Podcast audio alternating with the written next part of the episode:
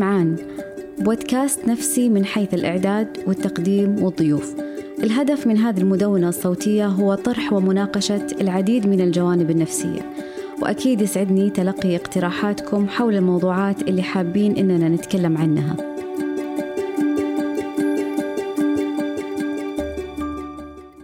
ضيفتنا اليوم الدكتورة رحمة الحربي استشارية الطب النفسي حاصلة على البورد السعودي والعربي في الطب النفسي حصلت أيضا على الزمالة الكندية في اضطرابات المزاج والقلق كتخصص دقيق من جامعة تورنتو. حديثنا اليوم معها بيكون عن إيش هو الاكتئاب وإيش أنواعه وإيش الخيارات العلاجية المناسبة وإيش دور الأسرة في العملية العلاجية. أتمنى تنال رضاكم. حصل غامدي أخصائي أول علم نفس سريري.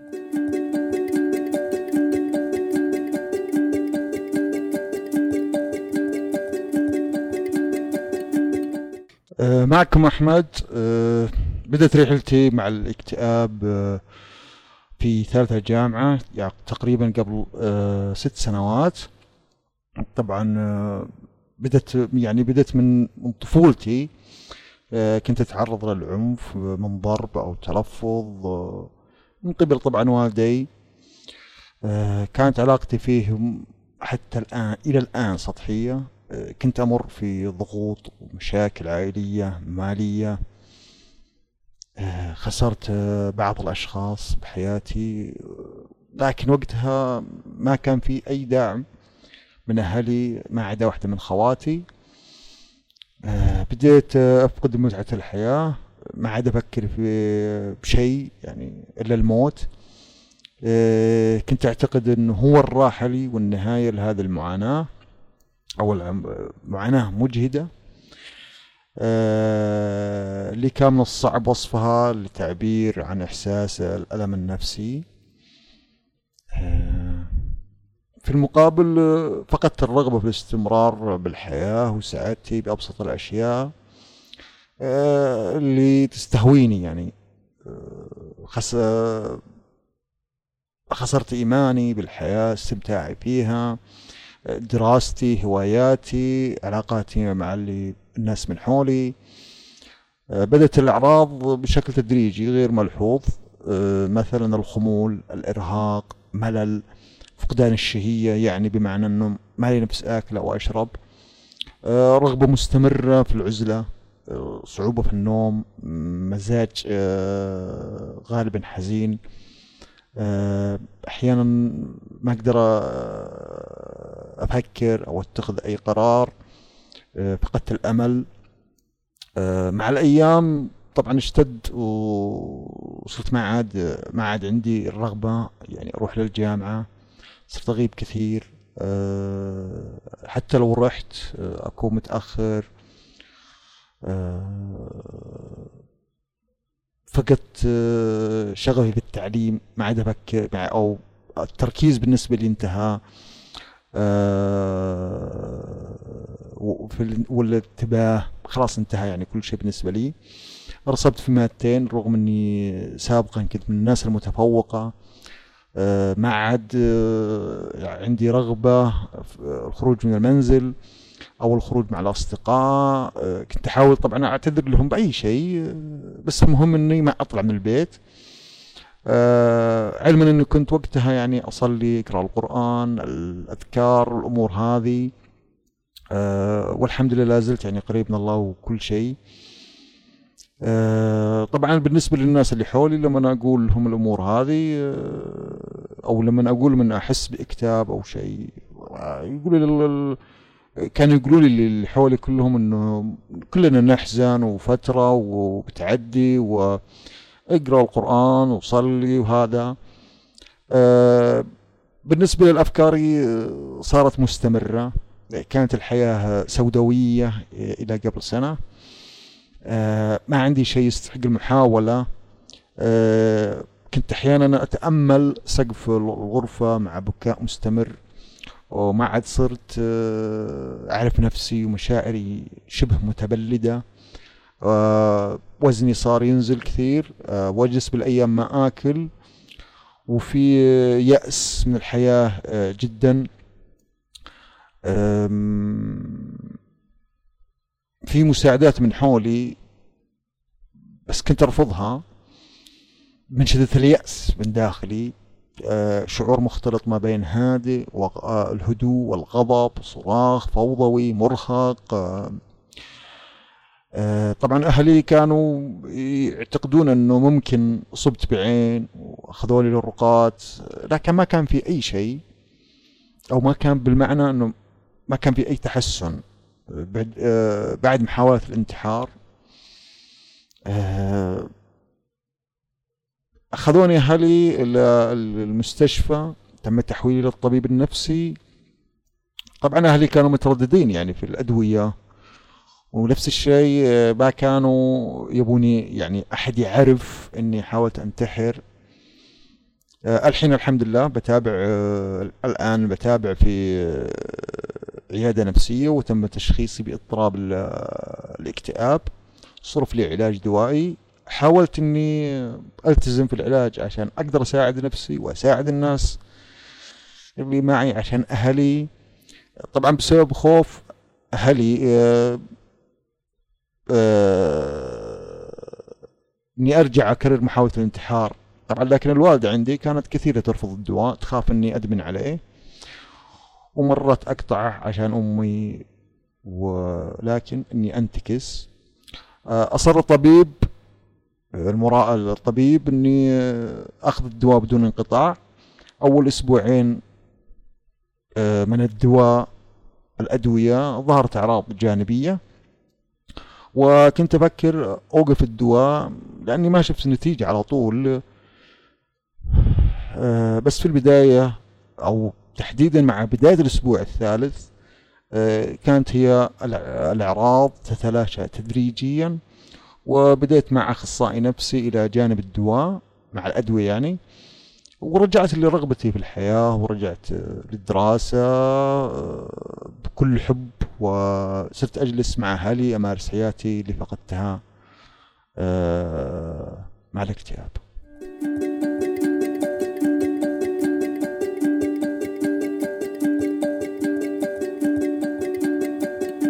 أهلا دكتورة رحمة.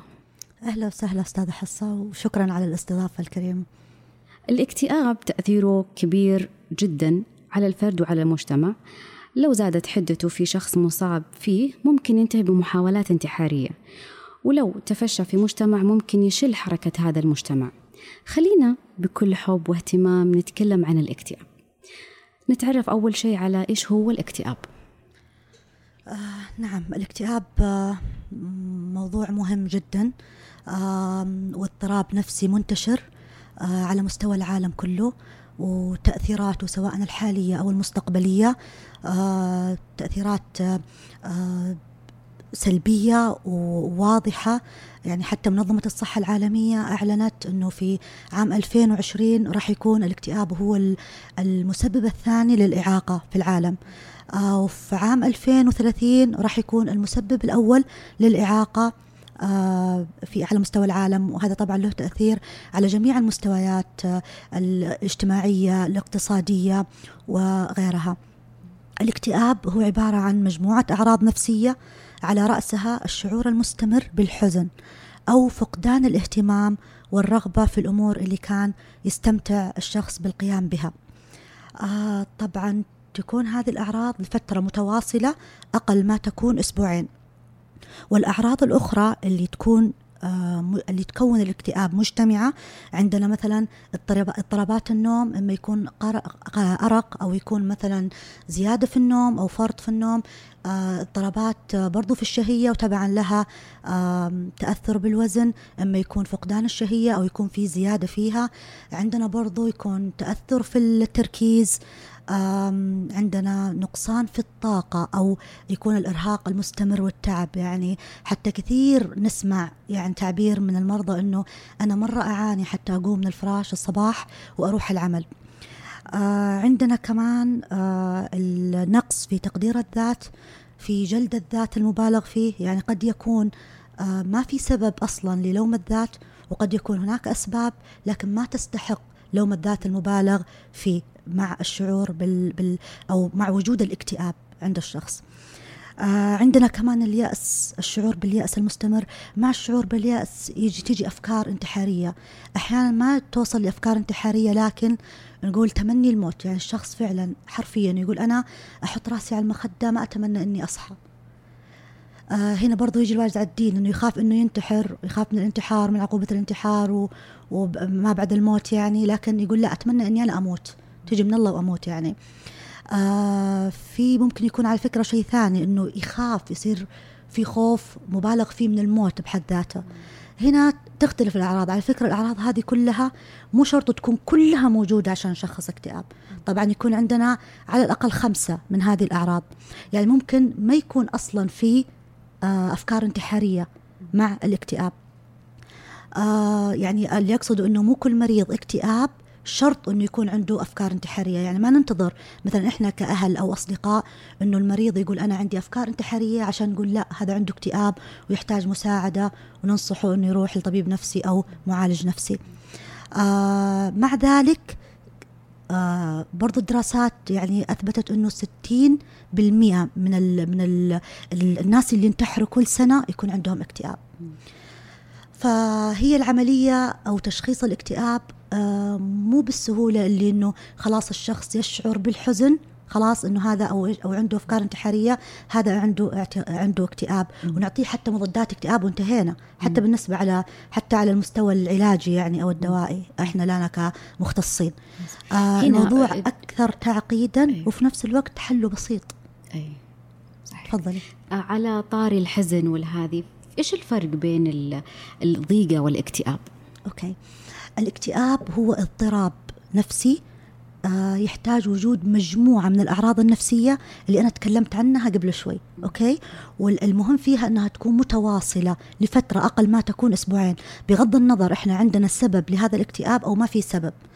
آه ويكون برضو آه في نقطة مهمة جدا في تعريف الاكتئاب. أنا ما تطرقت لها اللي هي تأثير هذه الأعراض ككل على حياة الشخص سواء الحياة اليومية أو الاجتماعية أو الأكاديمية إذا كان طالب أو الوظيفية إذا كان موظف. نجي عند الضيقة الضيقة ما تسبب هذا التأثر الوظيفي في حياة الشخص. غالبا الضيقة تكون لها يكون لها سبب. أوكي؟ يكون في سبب معين خلى الشخص يتفاعل معاها ويصير عنده ضيقة وحزن. لكن غالبا بمجرد زوال هذا السبب يروح الحزن. عارفة أستاذة حصة كتفاعل مع الحياة اليومية ومع أحداث الحياة اليومية. هذه هي الضيقة. لكن لما يصير تصير الضيقة مستمرة مع الأعراض الأخرى اللي تكلمنا عنها وتأثر على حياة الشخص إما اليومية أو الاجتماعية أو الأكاديمية والوظيفية. هنا لا هذا اكتئاب ويحتاج تدخل يحتاج تشخيص وتدخل علاجي سواء دوائي أو نفسي.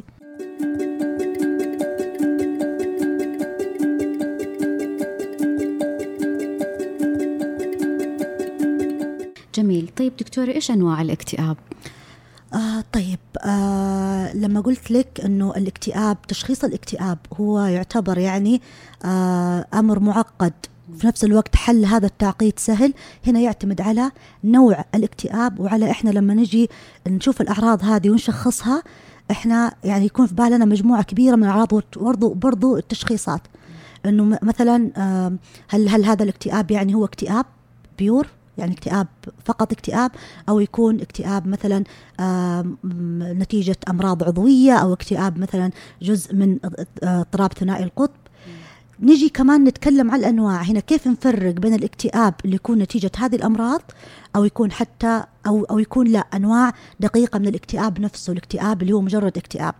أنواع الاكتئاب عندنا الاكتئاب القلق الاكتئاب القلق هذا يغلب عليه اللي هو العصبية التوتر سرعة الغضب آه بس بنفس الوقت ما تكون أعراض القلق يعني آه آه إنها تكون هذه إنه نشخص الاضطرابين الاكتئاب وفي نفس الوقت القلق اضطراب القلق العام لا تكون أقل من إنها تكون اضطراب القلق العام.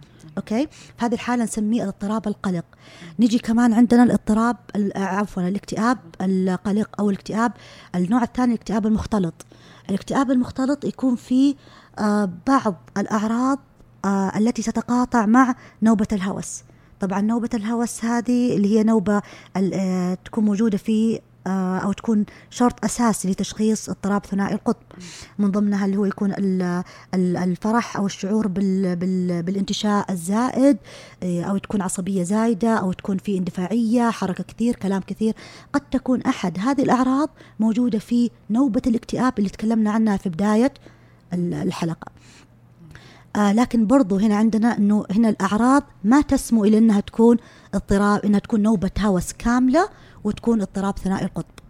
خلاص؟ فهنا نقول عليه الاكتئاب المختلط. عندنا النوع الثالث الاكتئاب الذهاني الاكتئاب الذهاني يكون مصاحب له أعراض ذهانيه إما ضلالات في التفكير أو أو هلاوس سمعيه أو بصرية وتكون يعني غالبا لها علاقة بهذا المود آه، أو هذا المزاج آه، السيء أو المزاج السلبي اللي هو مزاج الاكتئاب. آه، والأفكار السلبية برضو المصاحبة للاكتئاب. عندنا كمان الاكتئاب آه الغير تقليدي. الاكتئاب الغير تقليدي يكون أعراضه مثلا زيادة في النوم بدل ما يكون في أرق. زيادة في زيادة في الشهية. في شهية الأكل يعني غالبا المكتئب دائما يكون مثلا ما له رغبة في شيء آه ما في حيل لأي شيء ما, ما له نفس في حاجة ما ياكل ما ينام غالبا كذا. هذا هو الاكتئاب التقليدي. لما نجي نقول الاكتئاب الغير التقليدي تكون الأعراض هنا عكس الأعراض التقليدية. أوكي؟ يكون برضو عندنا الاكتئاب السوداوي. هنا الاكتئاب السوداوي اللي كانوا زمان العرب يسموه السوداوية أو السوداء. السوداء. يكون في الاكتئاب نفس الأعراض لكن تكون شديدة مرة. نفس الأعراض الاكتئاب لكن تكون شديدة مرة. آه كل شيء أسود. عشان كذا هنا في كمان تصنيف ثاني للاكتئاب اللي هو الاكتئاب الخفيف والمتوسط والشديد. تعتمد على آه على نوع على شدة الأعراض الأعراض المصاحبة أو الأعراض النفسية الموجودة في الاكتئاب تعتمد برضو على مدى تأثير هذه الأعراض على وظائف الشخص الحياتية okay؟ أو جوانب حياته. مثل هي مثل ما ذكرنا اليومية والاجتماعية والأكاديمية أو الوظيفية.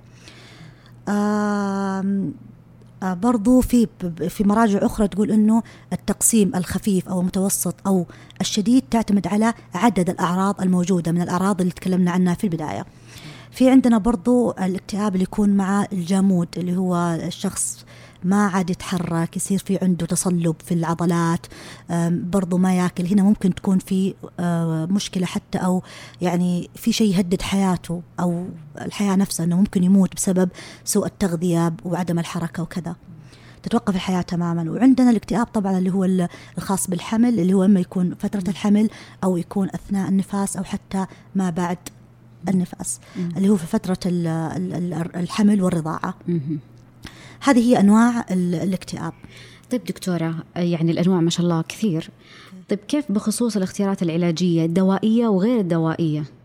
وكيف بيكون مسار العملية العلاجية للاكتئاب في الأنواع هذه؟ آه طيب يوجد عدة طرق مختلفة تعتمد على نوع وشدة الاكتئاب مثل ما ذكرنا قبل شوي. آه مثلا إذا كان الاكتئاب خفيف آه أو متوسط هنا ممكن نلجأ للعلاج النفسي إذا كانت هذه رغبة المريض بأنه ما يستخدم آه العلاج الدوائي. لكن إذا إذا جينا نتكلم على الاكتئاب الشديد لا هنا لازم يكون في تدخل علاجي. إحنا دائما بشكل عام في جميع الأمراض النفسية نفضل أنه يكون التدخل العلاجي يكون نفسي دوائي اجتماعي. خلاص يعني نتدخل بكل هذه الجوانب في حياة الشخص نعمل لها دراسة تقييم وكذلك علاج. okay؟ ف في حالات مثل ما قلت وطبعا العملية العلاجية دائما هي عملية مشاورة بين الطبيب أو المعالج وبين المراجع أو المريض. آه إذا كان يفضل علاج آه نفسي it's okay إذا كان مثلا شدة الاكتئاب خفيف أو متوسط لكن إذا كان شديد لازم يكون في تدخل علاجي. التدخل العلاجي يعتمد على نوع الاكتئاب مثل ما تكلمنا قبل شوي وأنه كمان نتأكد أنه الاكتئاب هذا مو نتيجة مرض آخر. أوكي؟ آه سواء مرض نفسي أو اضطراب نفسي أو مرض عضوي.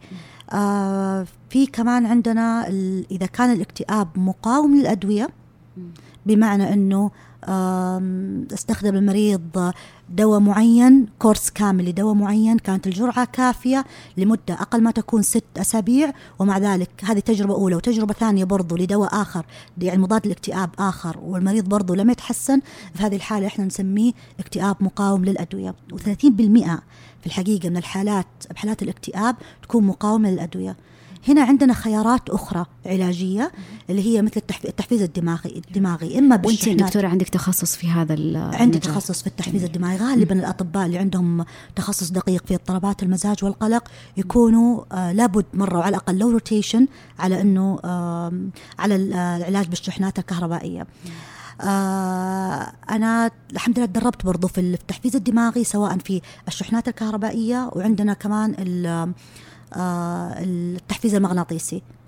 الفرق بينهم إنه آه، التحفيز بالشحنات آه، الكهربائية طبعا تحت التخدير العام. آه هنا المريض ما يشعر بأي شيء يعني الصورة السيئة اللي طالعة عندنا في الإعلام بالضبط. سواء أيوة. أو ال- الصورة النمطية والمغلوطة اللي دائما شائعة أنه المريض يكون صاحي لا أبدا. يكون تحت تحت المخد التخدير العام. آم، ويستيقظ غالبا بعدها بسرعة يعني حتى المخدر يكون يعني قصير المدى عمله. آه تكون جلسات مثلا من جلستين إلى ثلاث جلسات في الأسبوع. هذا هو المسار العلاجي بشكل عام. تكون 12 جلسة إلى 18 سل- جلسة تعتمد. بعد كذا يصير في جلسات في جلسات يعني آه للمحافظة على هذا ال- التحسن اللي إحنا وصلنا له. في عندنا التحفيز الدماغي أو التحفيز المغناطي الدماغ المغناطيسي ما يحتاج تخدير. تكون يكون المريض عادي يجي من بيته ويعمل الجلسة ويمشي. هي خمس مرات في الأسبوع. مدة الجلسة نص ساعة. الكورس كامل 20 جلسة أو 30 آه، جلسة تكون غالبا خمس جلسات خلال الأسبوع يعني. فهذا هذا موجود عندنا في السعودية؟ موجود التحفيز عندنا موجود؟ عندنا حتى في مجمع الأمل. آه جميل. أوكي. وموجود آه، في بعض العيادات الخاصة هنا في السعودية. هو علاج جديد آه، اعتمد من آه، هيئة ال- الغذاء والدواء الأمريكية في عام 2008 آه. وفعال الحقيقة يعني في الحالات تحسنوا تماما على. التحفيز المغناطيسي. مم. التحفيز بالشحنات الكهربائية علاج قديم وأثبت فعاليته يعني من القدم. يعني حتى يستخدم حتى للحوامل يعني. آه تختلف عاد اختيار اختيار ال- ال- الطريقة العلاجية مثل ما قلت لك تعتمد على نوع الاكتئاب نفسه وعلى شدته وعلى برضو ال- الخيارات العلاجية اللي قبل كذا استخدمها المريض وكيف استجاب لها أو ما استجاب لها هذه كلها عشان كذا التقييم الكامل للمريض آه ولحالة الاكتئاب اللي عنده الوضع الحالي أو التاريخ المرضي سابقا هذا مرة مهم في اختيار الطريقة العلاجية المناسبة، سواء كانت صحيح. دوائية أو غير دوائيه.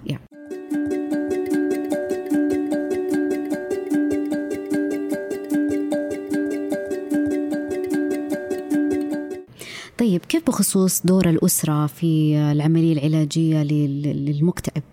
لأنه دور الأسرة مرة مهم أعتقد فكيف بيكون؟ طبعا دور الأسرة مهم جدا وقد يكون إيجابي أو يكون النقيض سلبي تماما. يعني كثير المشكلة هنا تجي في حتى في فهم الاكتئاب نفسه. مثل ما بدأته في البداية هو شعور بالحزن. عشان كذا ما ينشاف. ما له أعراض بالضبط. تنشاف. هو بالضبط. شعور يحس فيه الشخص من داخله. فتيجي نجي نتكلم مثلا على إحنا يعني آه وفقا لثقافتنا أو حتى تراثنا نجي نقول هذا ممكن بكل بساطة يتدلع يبغى يلفت الانتباه يبغى كذا خلوه.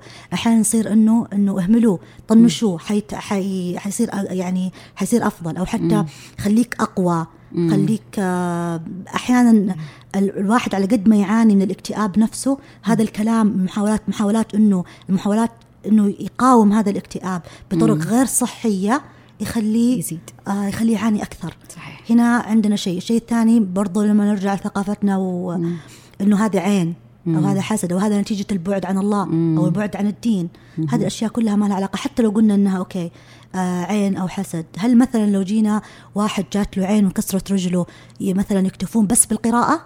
لا. أكيد لا. نعم. لابد من إنهم يعملوا مثلا جبيرة لهذا الكسر. آم، عشان كذا نلاقي بعض المرضى يعني أهاليهم خلينا نقول يسيئون من حيث أرادوا الاستحسان. ياخذوا المريض أو المريضة ويقعد مثلا سنوات من شيخ لشيخ من قارئ لقارئ على أساس إنه هذا عين أو سحر أو مس حتى. فيتأخر العلاج وكل ما كان على فكرة العلاج التشخيص والعلاج أبكر كل ما كانت النتيجة أفضل. والتحسن أكبر صحيح. لكن آه عشان كذا دور الأسرة أقول لك مهم مم. وحتى دورنا إحنا في التثقيف والتوعيه مهم بالضبط ف هنا قد يكون أحيانا ترى يكون العكس برضو انه تكون الأسرة آه تعطي المريض حماية زايدة مم. تثقل كاهل المريض أو المريضة أيضا ف دور الأسرة مرة مهم إنه يكونون يكون في وعي إنه هذه إنه هذا لا هذا اكتئاب. آه قد تكون الكلمة الذهبية في أي اضطراب نفسي هل حدث تغيير في آه مستوى أداء الشخص؟ في حياته سواء حياته اليومية أو الأكاديمية أو أو أو الوظيفة أو العمل وكذا أو لا. حتى لو كانت مثلا المرأة خلينا نقول ربة منزل هل تغير مستواها أو اهتمامها في البيت في الطبخ في رعاية الأبناء أو لا؟ تغير خلينا هنا نقيس التغيير هذا بقبل. كيف كان أدائها صحيح. وكيف كان أداء الشخص؟ حصل تغيير مع بعض الأعراض النفسية هنا؟ لا.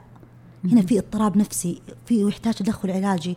وغالبا الاستجابة تكون جيدة وقت ما يكون في تشخيص مناسب التشخيص الصحيح مع إعطاء الدواء المناسب. تتغير حياة الشخص 180 درجة. صحيح.